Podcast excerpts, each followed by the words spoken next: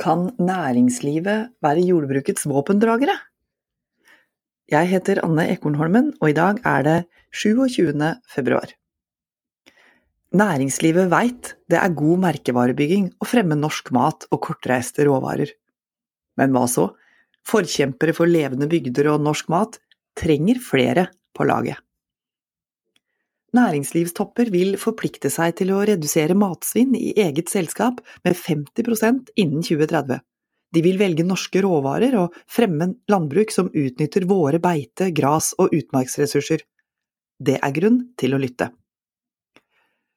Ei lang rekke toppledere fra selskaper som beskriver seg som klimaambisiøse, vil vise hvilke forretningsmuligheter som ligger i overgangen til nullutslippssamfunnet, som det heter i sitatet.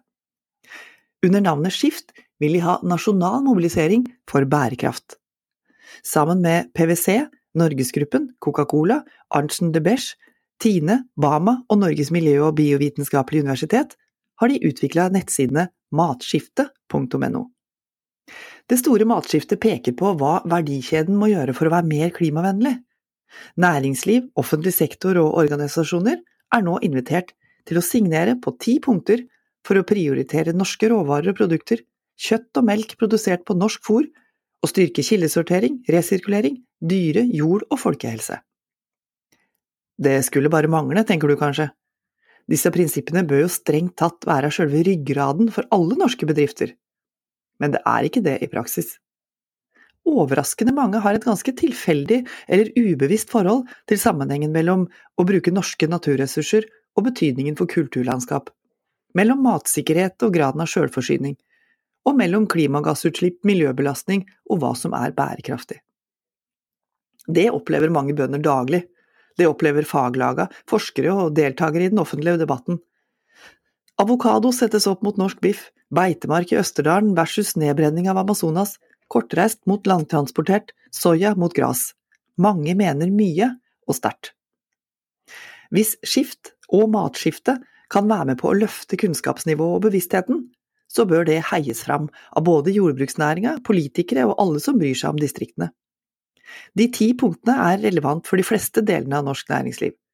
I tillegg forplikter selskapene seg på områder som emballasje, plastforsøpling, fornybare ressurser og sirkulære løsninger, kosthold og teknologi. Tine og Nortura er for eksempel engasjert gjennom to prosjekter som handler om biogass og gjødsel, samt dyrefôr.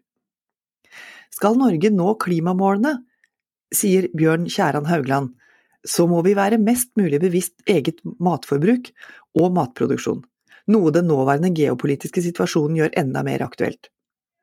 Derfor må vi blant annet i mye større grad prioritere norske råvarer tiden framover, sier han som altså er administrerende direktør i Skift, næringslivets klimaledere. Bak matskiftet.no ligger skiftnotatet for mat og landbruk som ble overlevert til landbruks- og matminister Sandra Borch i fjor. Nettsida blei lansert før jul, og Norgesgruppens Stein Rømmerud presenterte initiativet for bamsefolk, matprodusenter og medlemmer av Stortingets næringskomité under matmessa Gryne Woche i Berlin i januar. Nå mangler det ikke akkurat på merkeordninger og gode initiativer fra før. Det finnes kvalifiseringskriterier for å bli miljøfyrtårn og få miljøsertifisering, det finnes Nyt Norge og nøkkelhull, ulike stempler og diplomer for å gi forbrukerne god informasjon. Men også for at bedrifter som gjør en ekstra innsats, skal ha noe å vise til, en etikett å markedsføre seg med. Det kan gi tyngde, god PR, markedsfordeler og fortrinn hos den bærekraftsbevisste, kravstore kunden. Ingen vil jo være bakerst i køen. Gulrota for å gjøre riktig valg må ofte være økonomisk lønnsomhet, samt gjerne gevinst i overført betydning, som god merkevarebygging og omdøpe. Her er altså et bidrag til det siste.